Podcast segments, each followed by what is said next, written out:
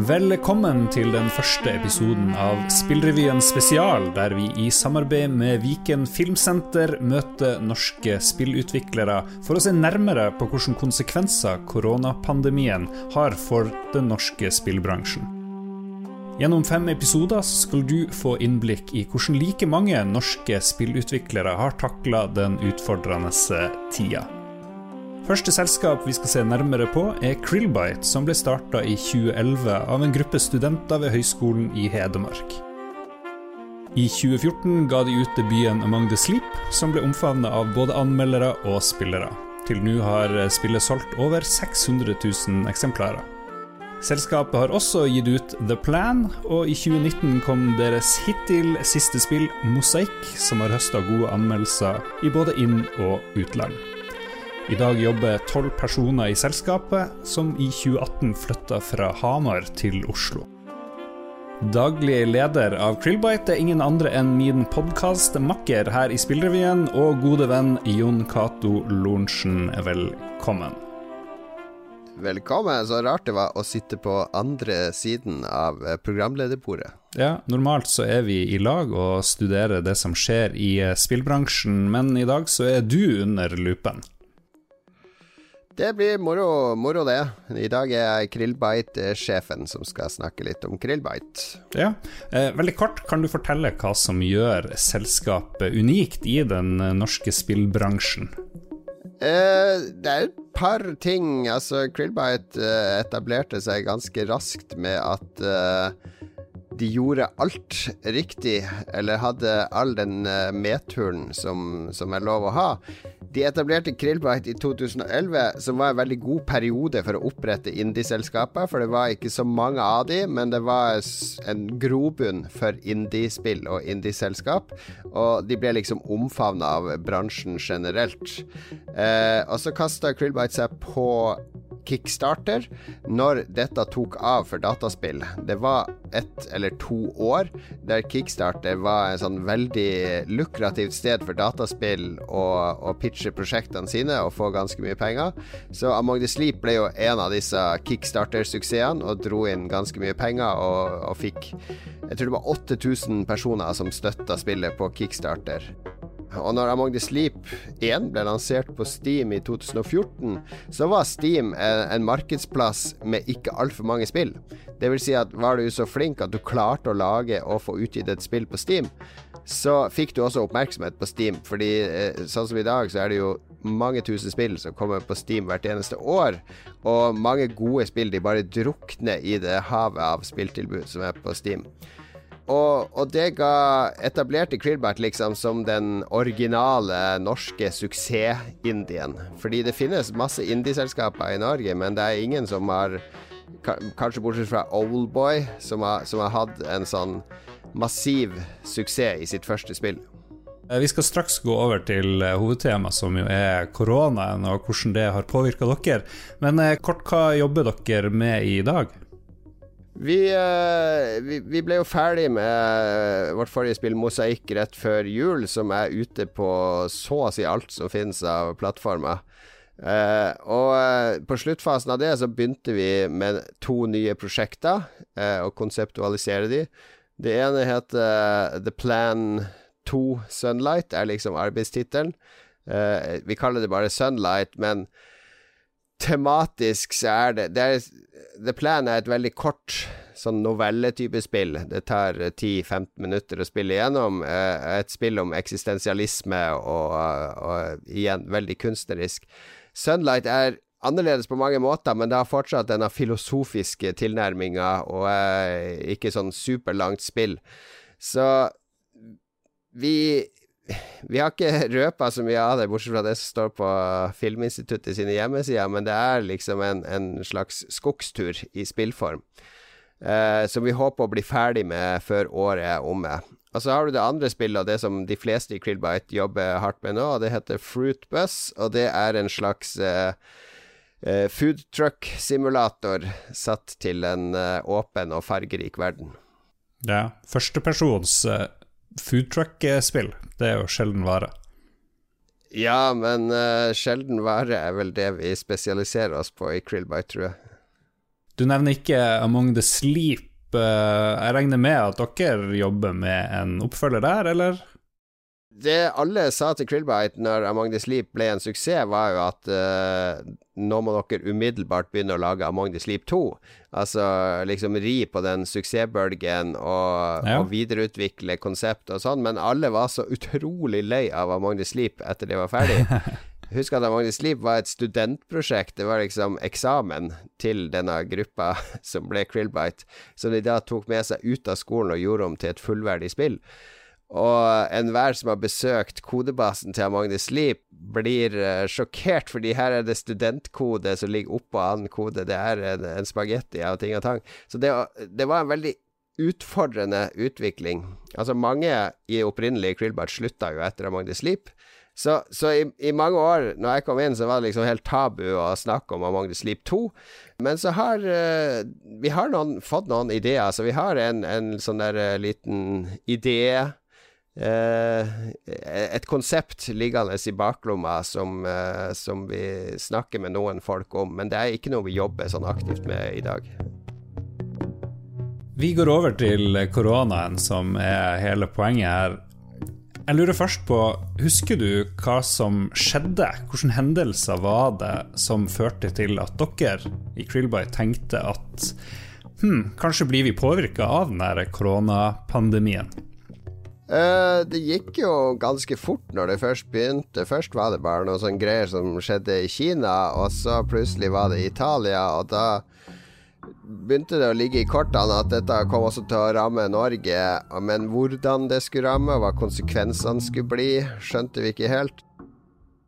I starten av mars så hadde vi bestilt noen håndverkere for å flytte noen vegger på kontoret, for vi skulle utvide kontorarealet noe. Og da skjønte jeg vel at det lå i kortene at det kunne bli Myndighetene kom antagelig til å oppfordre folk til å jobbe hjemmefra. For å ja. minimere uh, store grupper og sånne ting.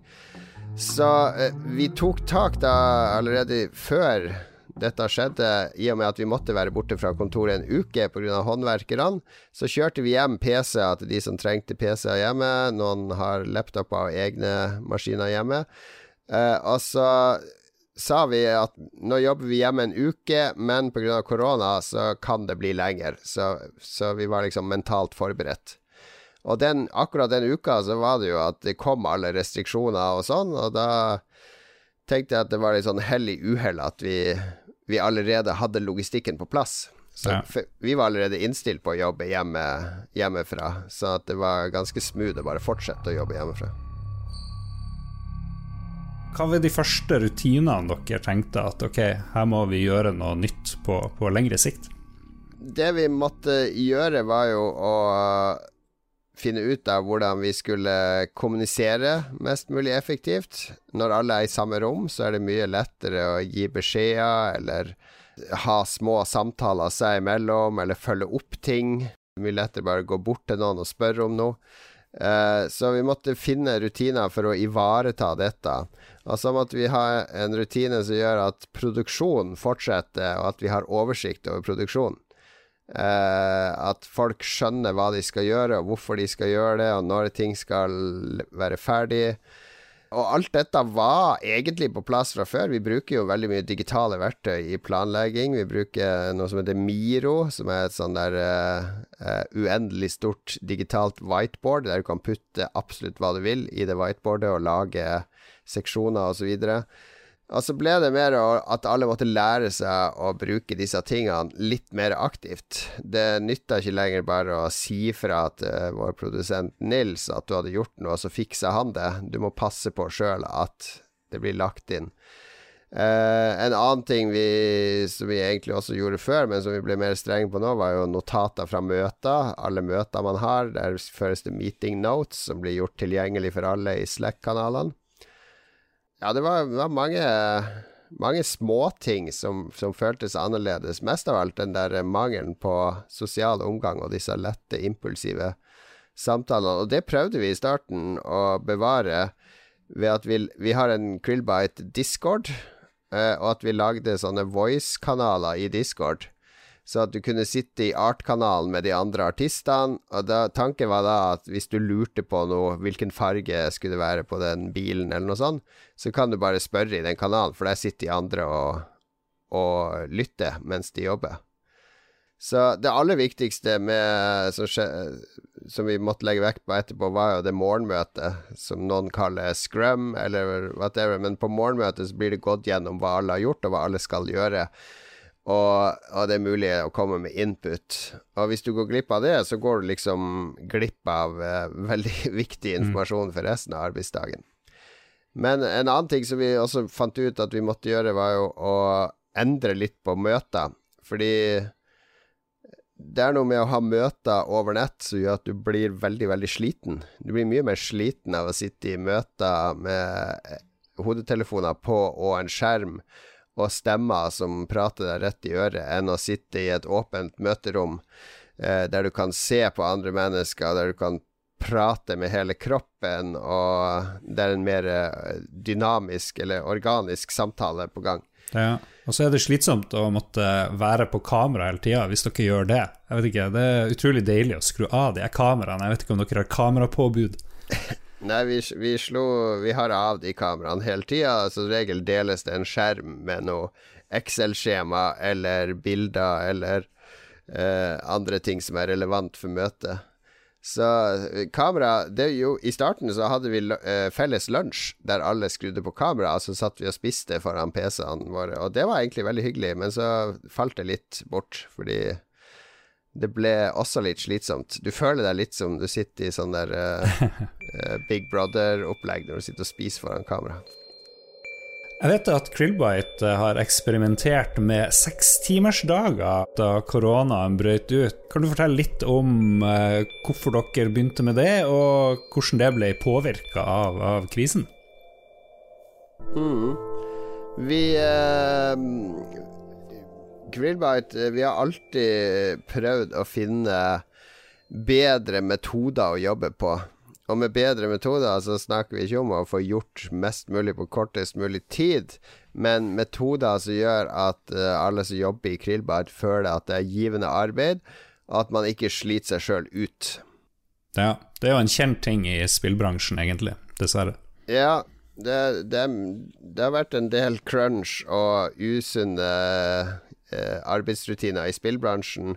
Og det skyldes ofte at eh, spill, og det å lage spill er veldig ofte litt sånn lidenskap.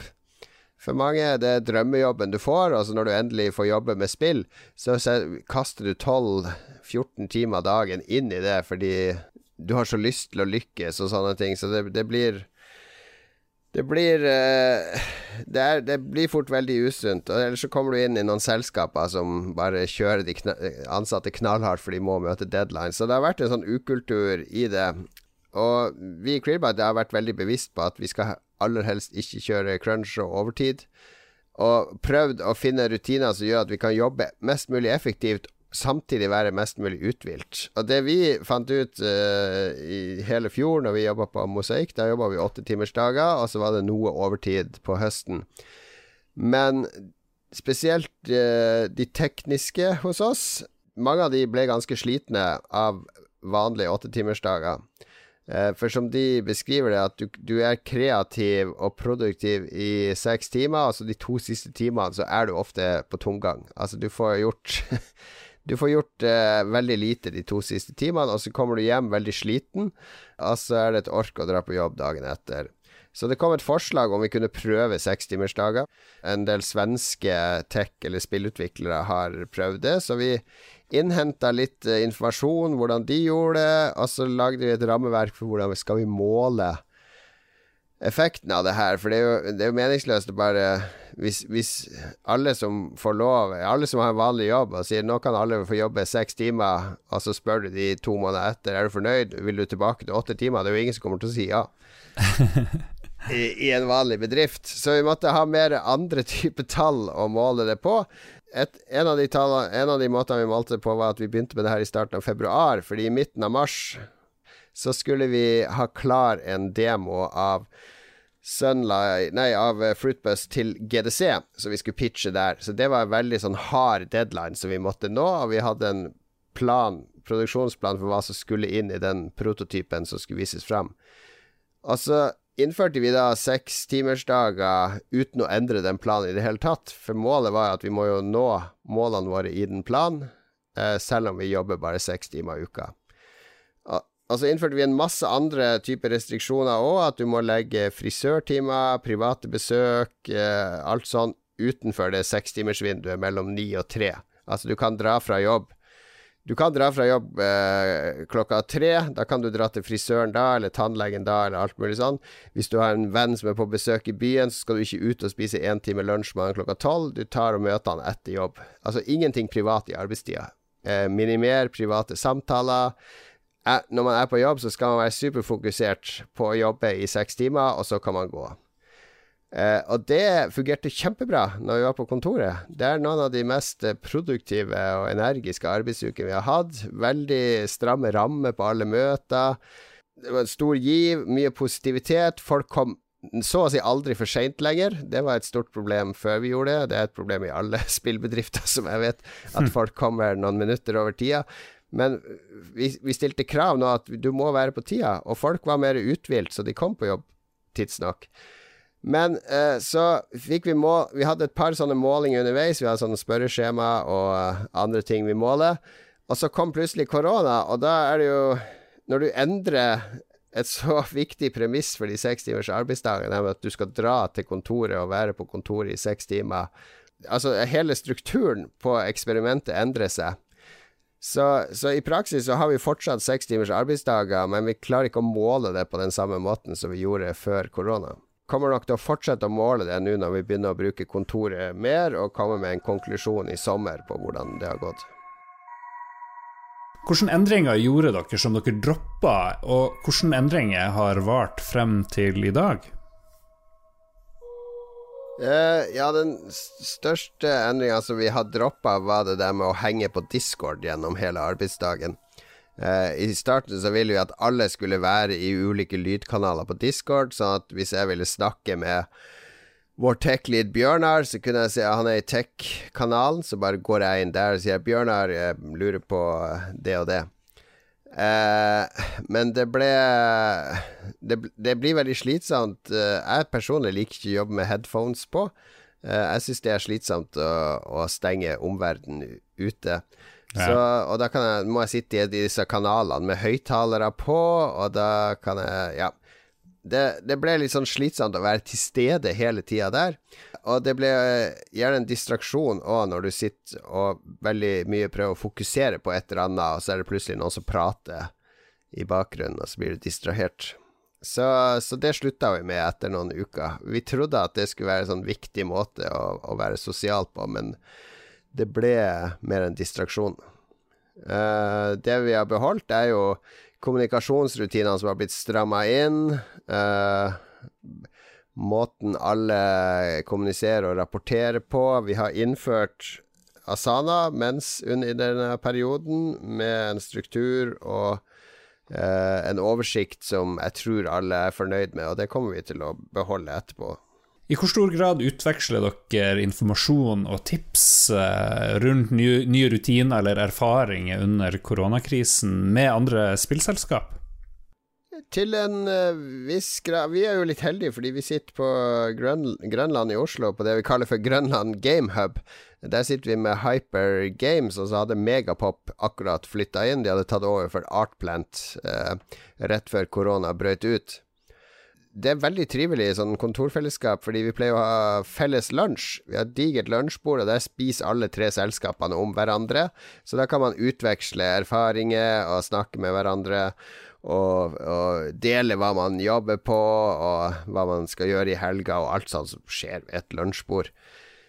Så når korona brøt ut, så ble vi jo veldig bevisst på hvordan skal vi håndtere korona. Så vi stengte mer eller mindre ned kontoret. Og så holdt vi, kommuniserte vi med hverandre om Ikke så mye om hvordan vi gjorde det, fordi alle disse tre selskapene er litt sånn innarbeida i sine rutiner.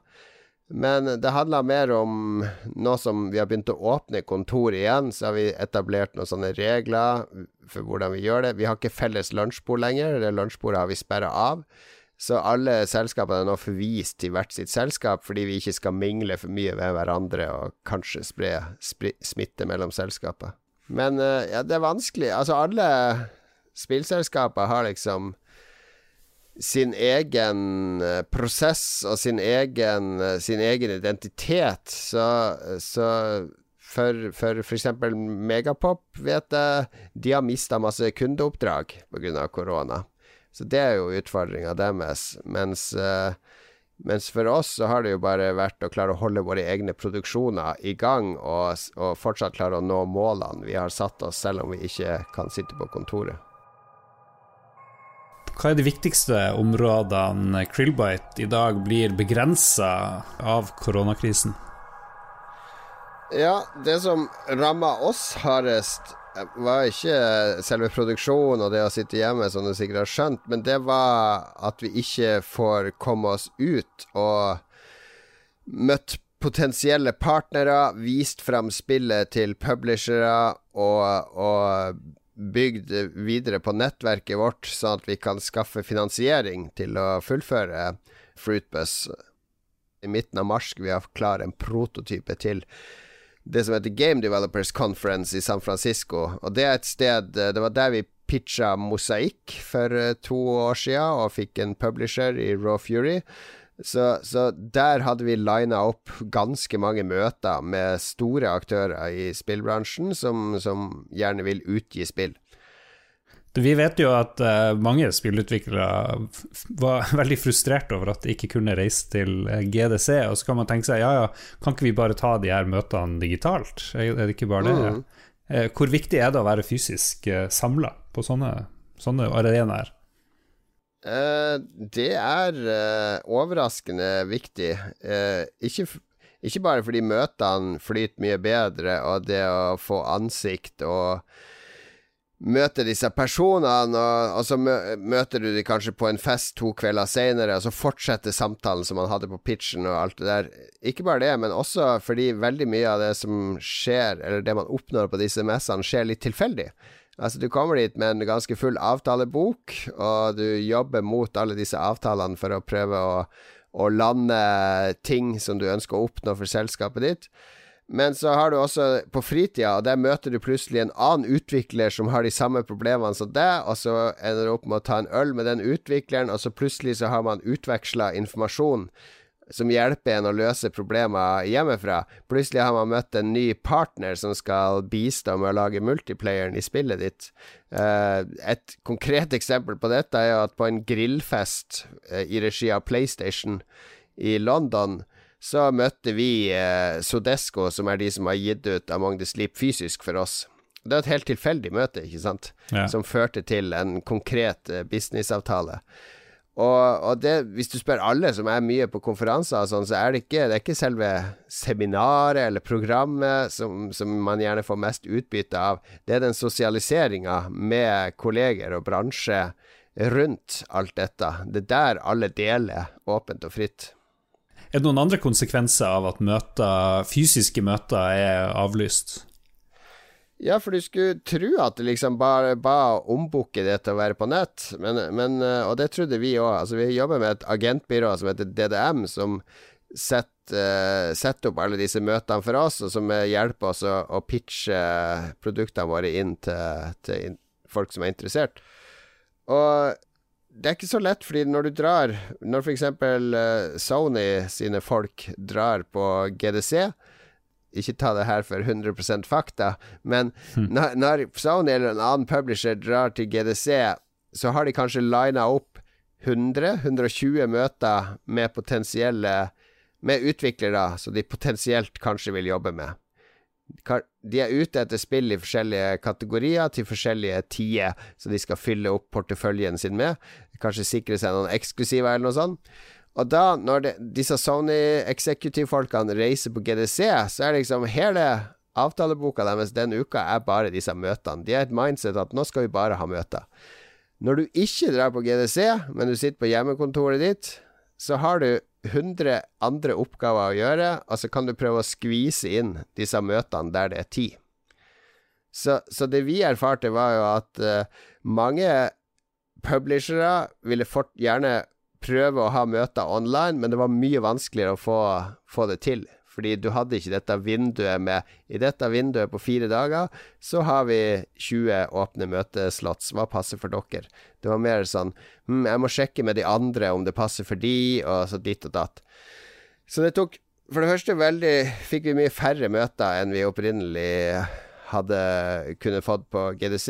Og for det andre så tok det mye lengre tid før de møtene kom i gang. Vi, vi har hatt en del møter nå i slutten av april og mai som jo er en hel måned etterpå. Så for vår del så betyr det at den feedbacken vi vil ha på spillet og pitchen vår, har kommet mye senere, sånn at vi er litt forsinka med å videreutvikle spillet i henhold til hva vi føler markedet ser etter og sånn. De sitter vel med barn og må ha hjemmeskole i eh, de Sony-ansatte òg? Ja da, jeg har vært på soverommet til en hel haug med utviklere nå og sett åssen de har det. Så, sånn sett er det litt sånn intimt og koselig å ha de pitcha nå. Men hva har koronakrisen betydd for dere økonomisk, Vi noe? Ikke så veldig mye, faktisk. Fordi eh, vi lanserte jo et spill rett før jul tikker og går med det spillet, og så har vi et spill ute som selger ganske jevnt og trutt av Magnus Sleep. Så sånn inntektsmessig så har vi ikke fått verken mer eller mindre enn vi hadde fått uten at korona hadde vært her. Ja, fordi dere har ikke alle de her oppdragene som, som mange andre spillselskap har. Nei, vi er jo ikke avhengig av det. Og så hadde vi også flaks uh, i januar, for da var vi inne og pitcha både Fruitbus og Sunlight til eh, NFI, og da var, var de kjempeheldige og fikk støtte til begge to.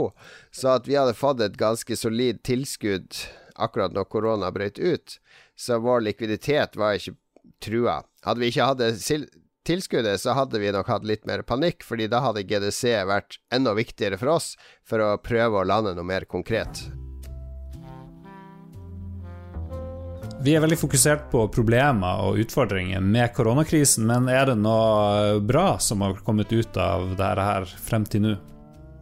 Ja, det vil jeg si. Altså, jeg syns det er uh, uh, ganske imponerende å se hvor effektivt vi kan jobbe hver for oss. Uh, det hadde jeg ikke trodd at uh, Krillbite kunne klare, for Krillbite er et veldig sånn sosialt selskap. Altså, vi er vi er veldig fine personer som jobber i Krillbite, og, og, alle går overens med hverandre. Så det å være på kontoret, det å ha disse felles lunsjene, det å ha en dialog konstant om hva skal spillet være, hvordan vil vi at spillet skal være, har vært liksom en del av sjela til Krillbite. Så det å se at vi kan spre alle for alle vinner, og nesten utelukkende fokusere på produksjon og, og resultater i denne perioden, har egentlig vært uh, veldig positivt for meg, syns jeg. Ja. Vi skal runde av uh, denne her uh, sesjonen med deg, Jon Cato. Men til slutt, hva er det dere gleder dere mest til nå når ting en eller annen gang skal bli tilbake til normalen? Det er jo det å være på kontoret og faktisk kunne ta på hverandre. Og da snakker jeg ikke i en uh, hashtag metoo-setting, men Krillbite er uh, uh, klemming og, og det å være fysisk glad i hverandre er en del av krillbeit sin identitet. Men uh, de, de, de, felles lunsjene og alt det der du har tatt for gitt, det er jo det du selvfølgelig uh, savner. Så vi har begynt å bruke kontoret igjen nå. Uh, restriksjonene er ikke så strenge nå. Det er faktisk mulig for oss å være på kontoret. Så de gangene jeg har vært der, ja, det er veldig deilig. Det er Det føles Det føles litt som at ting er normalt igjen når du sitter på kontoret.